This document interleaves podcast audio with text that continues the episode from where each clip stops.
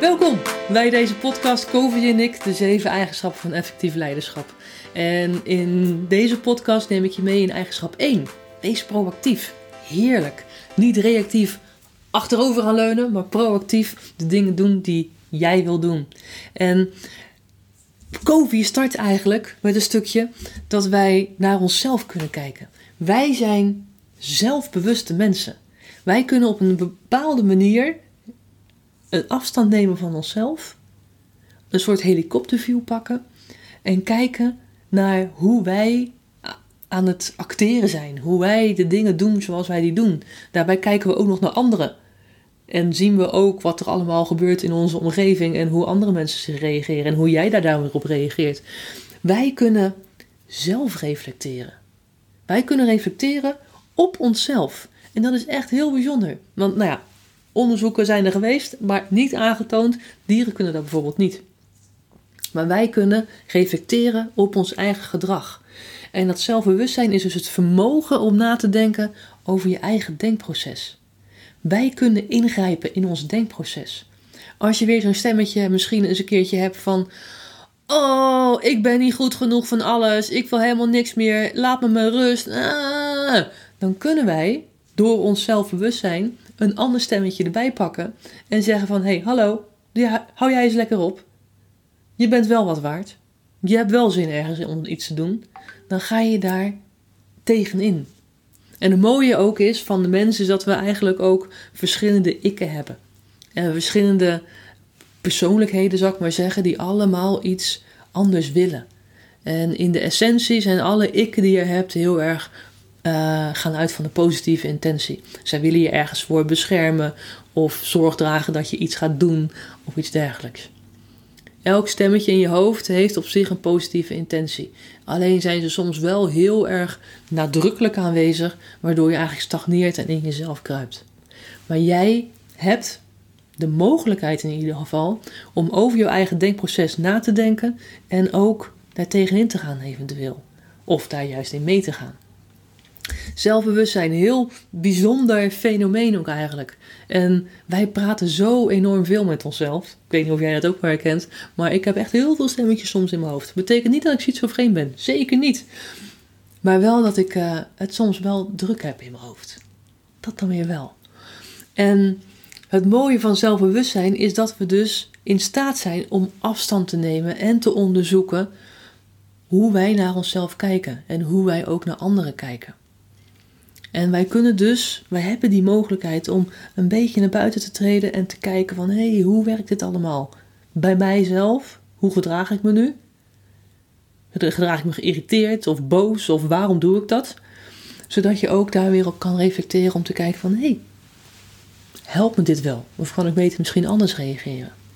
Je kijkt naar jezelf en de omgeving en daar pas je ook jouw gedrag op aan. En dan heb je ook je zelfparadigma, de manier waarop jij kijkt naar jezelf. Naar het gedrag dat je vertoont, je denkpatronen die je hebt en hoe je daar allemaal op acteert. En soms heb je van die gedachten, waarvan ik net al een paar eh, aangaf, zal ik maar zeggen. Hey, je bent niet goed genoeg, of ik kan het niet, of la la la. Of die mensen vinden me helemaal niet leuk, maar zijn die gedachten ook daadwerkelijk waar? Is dat zo? Heb je daar bewijslast van? Want er zijn heel veel dingen die wij denken over onszelf of wij schieten in aannames over andere mensen, zoals zij misschien over ons denken. Maar die zijn op niks gehandhaafd, die zijn op niks geboekstaafd. Daar, dat zijn aannames. Die heb jij niet bewezen.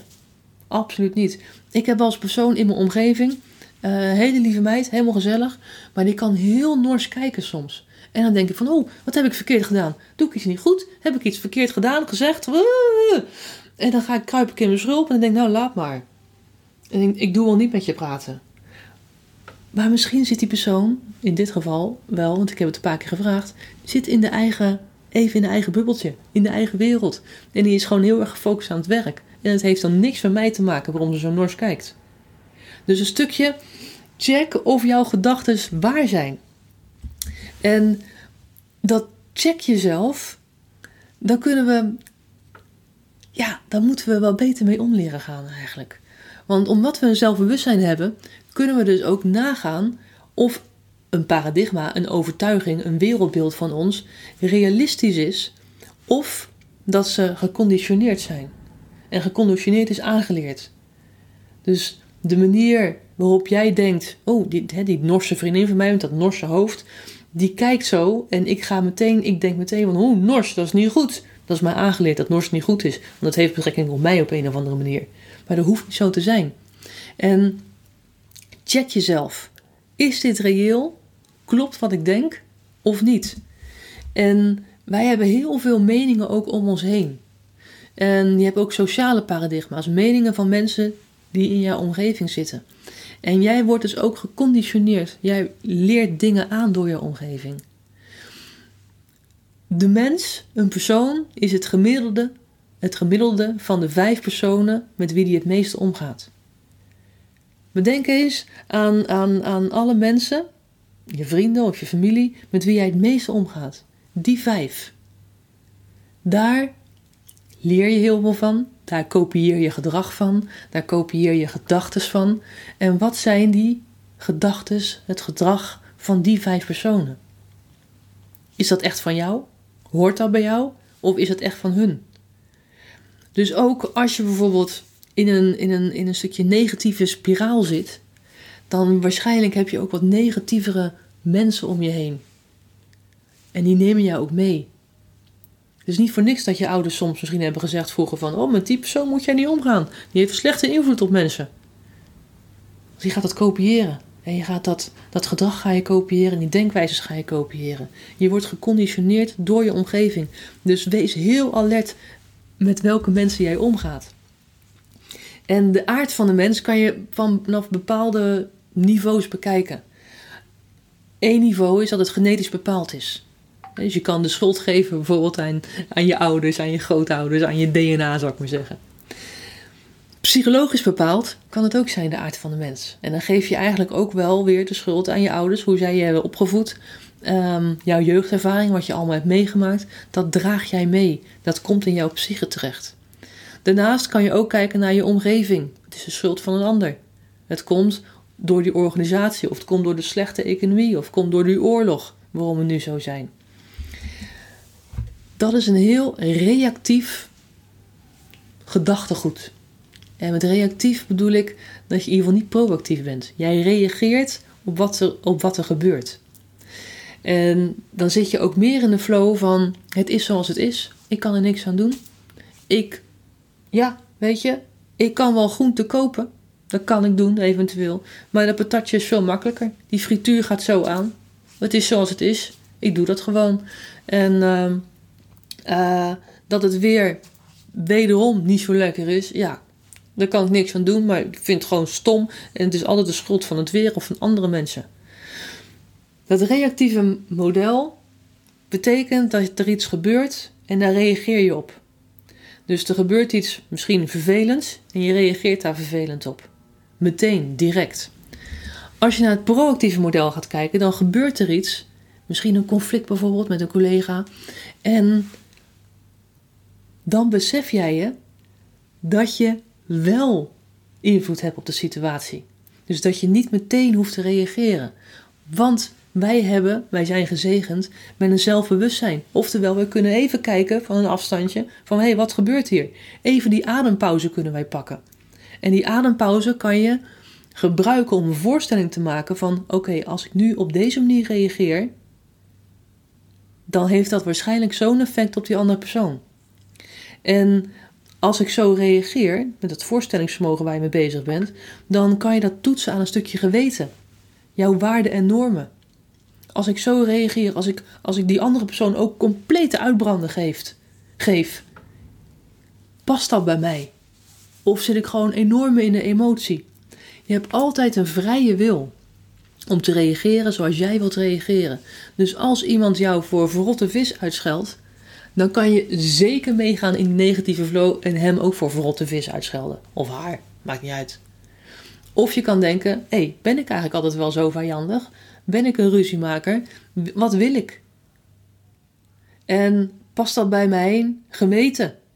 En als ik zo reageer, wat voor voorstelling kan ik dan maken hoe die persoon dan weer terugreageert? Waarschijnlijk wordt het een soort escalatie. escalatie waardoor je nog verder in de, in de problemen komt, in de shizzle komt. Weet dus dat er altijd een keuze is. Er is altijd een keuze.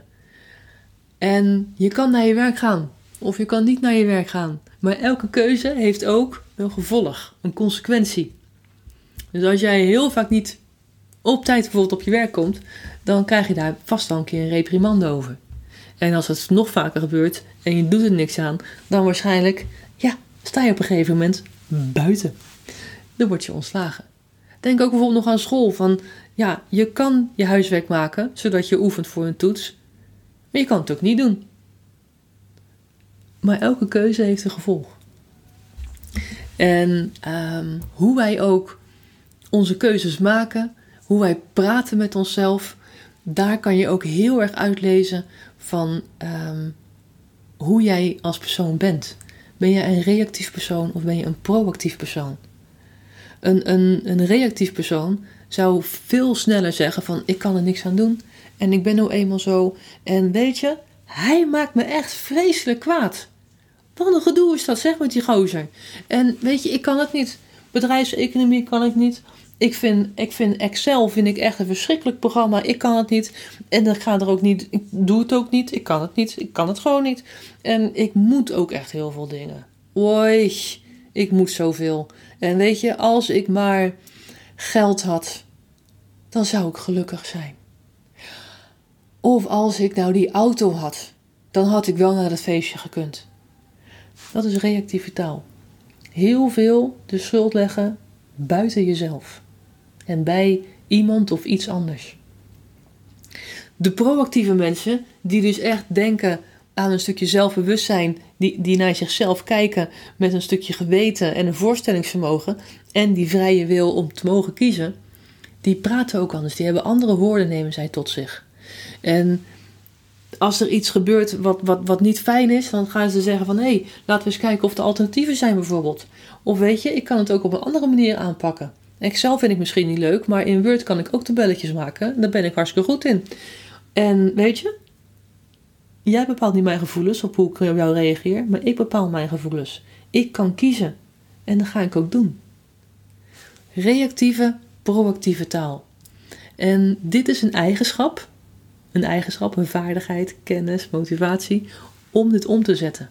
Als jij beseft opeens dat je heel erg reactief aan het reageren bent, dan kan je jezelf gaan trainen om anders naar jezelf te gaan praten. In plaats van problemen kan je uitdagingen zeggen, bijvoorbeeld. Een voorbeeldje. Probeer eens voor de grap. Nou, niet voor de grap. Probeer het gewoon eens. Alle moeten uit jouw taal te schrappen. En vervang dat door bijvoorbeeld ik wil dat of ik zou dat willen kunnen of whatsoever. Of mogen. Niet ik moet die offerte maken, maar ik wil die offerte maken. Niet ik moet huiswerk maken, maar ik wil huiswerk maken. Niet ik moet patat eten, maar ik wil patat eten. Of ik moet bloemkool eten, ik wil bloemkool eten. Anyway, probeer eens dat moeten te schrappen. Want je moet heel veel en daardoor zet jij jezelf ook klem in je hoofd. Goed. Eerste deel van eigenschap 1. Wees proactief. Tot de volgende.